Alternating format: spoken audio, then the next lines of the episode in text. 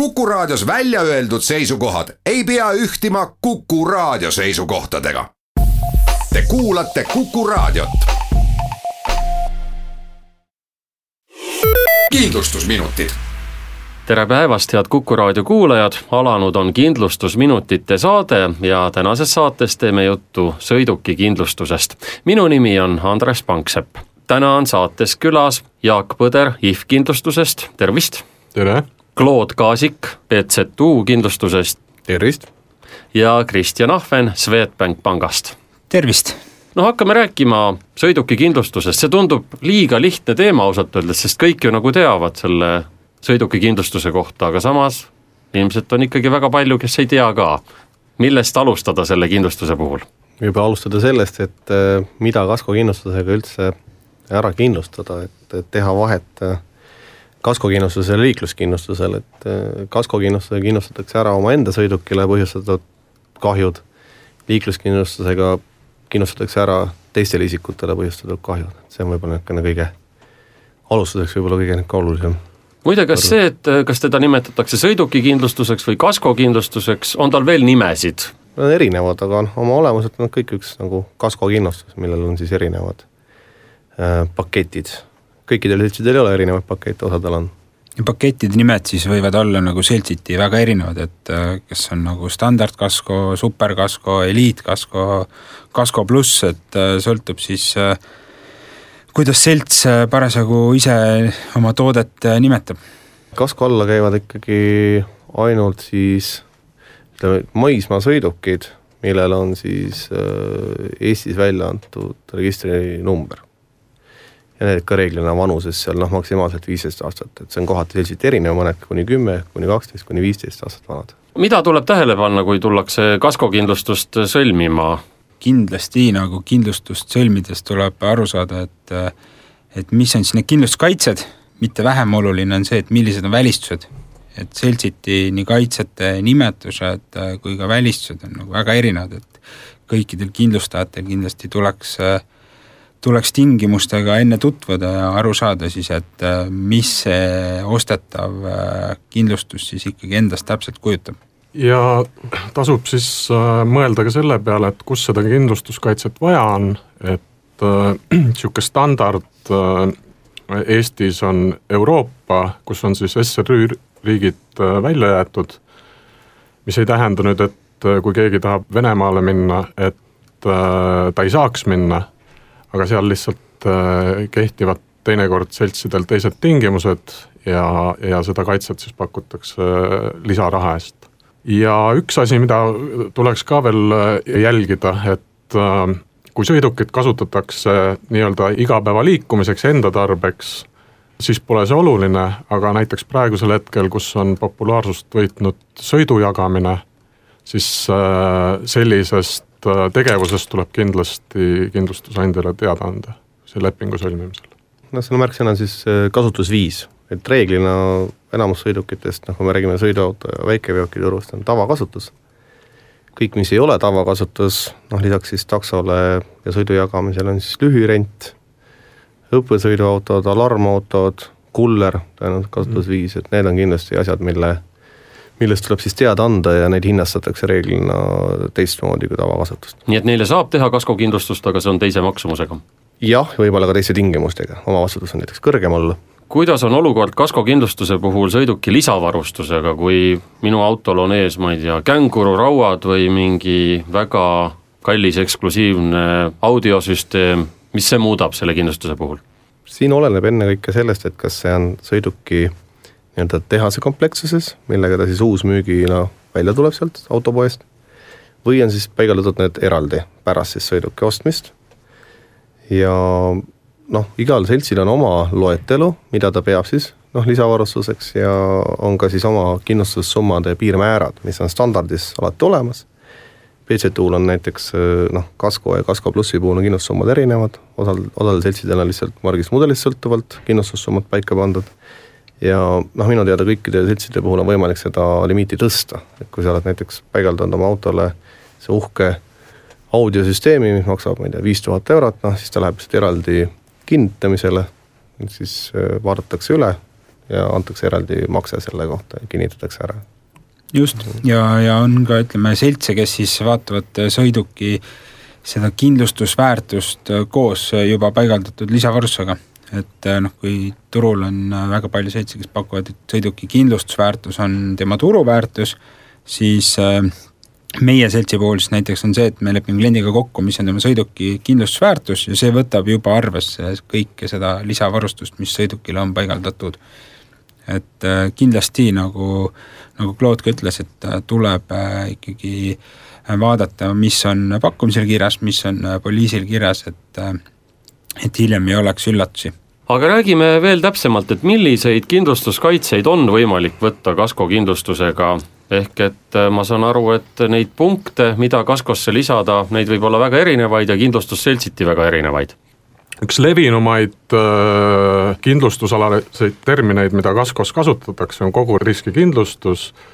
see koguriskikindlustus võrreldes loetletud riskidega tegelikult kasko puhul on enam-vähem üks ja sama.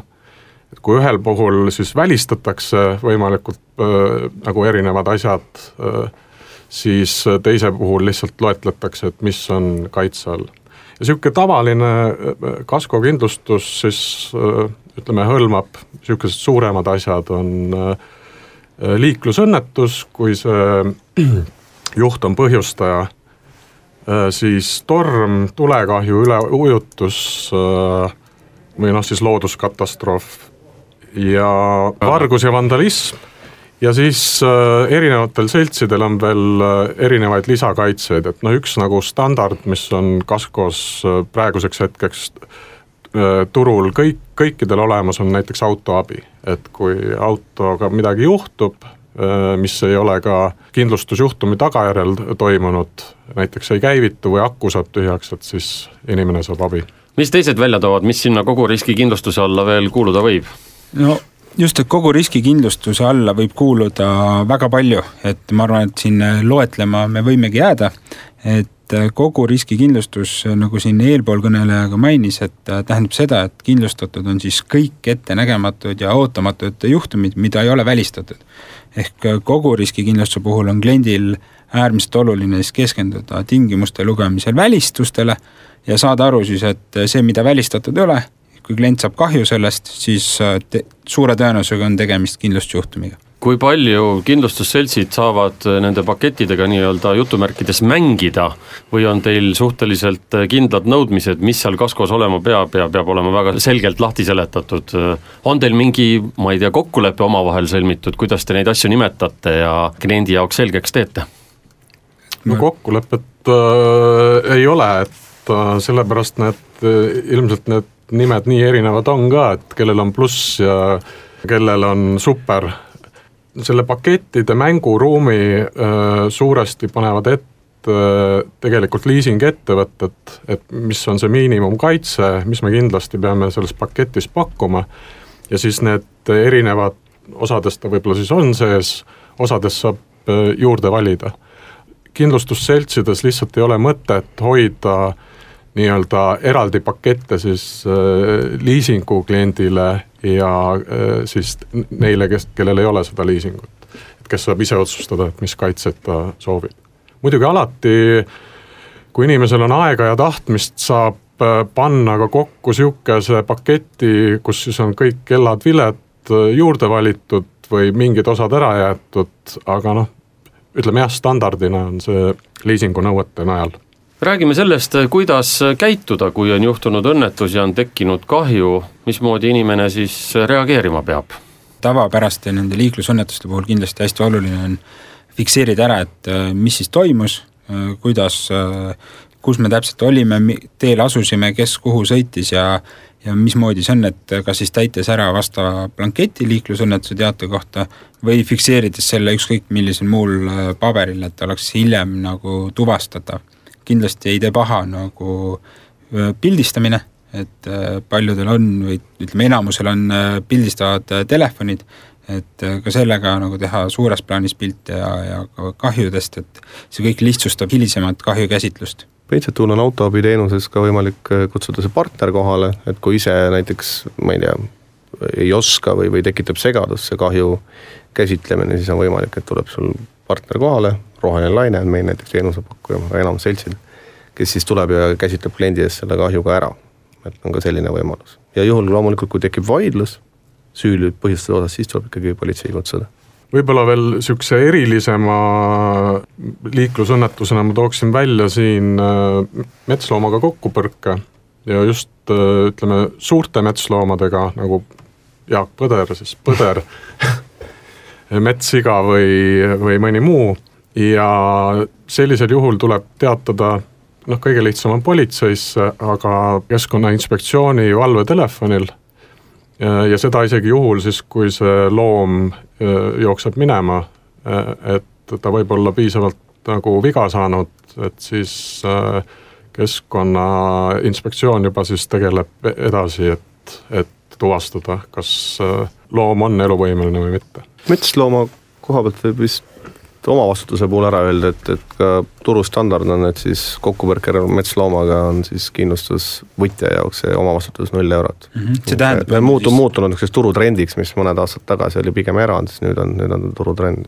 turustandard on ka see, et kokkupõrke vältimisega seotud kahjude puhul siis rakendatakse omavastutust reeglina ja räägime sellest ka, millist kahju siis kaskokindlustus hüvitab ja ka sellest, millist ta ei hüvita. no üldiselt Äh, kasko kõikides seltsides nagu kindlustusjuhtumi mõte on see, et ta peaks olema ootamatu ja ettenägematu. et äh, kui on ootamatu ettenägematu kahju, mis ei ole siis miskit pidi välistatud, siis sellisel juhul kasko hüvitab selle kahju. kui äh, ütleme, osades seltsides on näiteks välistus ka liiklusõnnetuse tekitamisel puhul raske hooletus siis IFis näiteks me hüvitame ka sellised kahjud, kus äh, õnnetus toimus raske hooletuse tõttu, näiteks äh, sõidetakse punase tulega ristmikule, eiratakse peateemärki ja nii edasi, nii edasi. kindlasti peab äh, arvestama ka sellega, et noh, turul peaaegu standardina on välistatud mitmed raskendavad asjaolud, näiteks joobes juhtimine, narkojoobes juhtimine ilma juhtimisõiguseta sõiduki juhtimine ja nii edasi, et äh, selles mõttes muidugi tuleks ka tähele panna, et juhul, kui toimub kindlustusjuhtum, kus see äh, juhtimisõigus polnud vajalik, näiteks äh, üleujutus, siis noh, sellisel juhul ikkagi kindlustus hüvitab mhm, põhjusliku seose olemasolu on tähtis, eks ole, kahjul ja, ja siis sellel rikkumisel näiteks üsna standardne välistus on minu teada niisugused ütleme, aeglasi, ütleme pika aja jooksul tekivad äh, kahjustused nagu mingi korrodeerumine, niiskusest tekkinud kahjud seal, hallitused, et noh, need ei ole niisugused asjad, et äh, noh, mida kasko peaks tegelikult katma, et see ei ole nagu äkiline ja ootamatu sündmus, siis on mitte teeliikluses olevad kahjud, nüüd siin on ka tavaliselt täpsustatud, mida selle mitteteeliikluse all äh, mõeldakse, näiteks kuskil soos, ma ei tea, põllul, kui ei ole just erikokkulepe, eks ole, et see auto võib seal kuskil põllul sõita. siis jääteed, mis ei ole ametlikud, et auto lihtsalt kukub läbi jää, on niisuguseid juhtumeid olemas, et need noh, reeglina sellised välistused on olemas, need on mõistlikud. Mm, samamoodi mei BCTU-l on näiteks äh, koduloomadest salongile tekkinud kahju on välistus, et siin peaks olema ikkagi äh, siis kindlustusvõtja või see loomaomanik peaks äh, ikkagi jälgima, mis tema auto siis toimub, tal, tal on võimalus nii-öelda seda kontrolli hoida seal. jääteede puhul siis äh, ma kordan üle, et on oluline jälgida seda, et oleks ametlikuks äh, nii-öelda teeks kuulutatud jäätee, et kõik nii-öelda lõbusõidu libedarajad kuskil karjääride peal või sellised äh, lühikeseks nii-öelda omavoliselt tehtud jääteed, et need reeglina on nagu välistatud siis kõik mm. -hmm. et see on omal riisikul see välistuste äh, loetelu sai juba päris pikk, aga üks võib-olla oluline äh, välistus äh, kõikidel seltsidel on veel ise tahtlikult tekitatud kahju või siis ütleme ka lähedaste poolt, et kui ikkagi ise rehvid läbi torgata või klaas sisse lüüa, siis sellist kahju kindlustus ei hüvita seda palju siis tänastes kindlustusminutites juttu sõidukikindlustusest. stuudios olid Jaak Põder IF kindlustusest, Claude Kaasik BZU kindlustusest ja Kristjan Ahven Swedbank pangast. aitäh kuulamast ja kindlustusminutid on taas eetris nädala pärast, kuulmiseni kindlustusminutid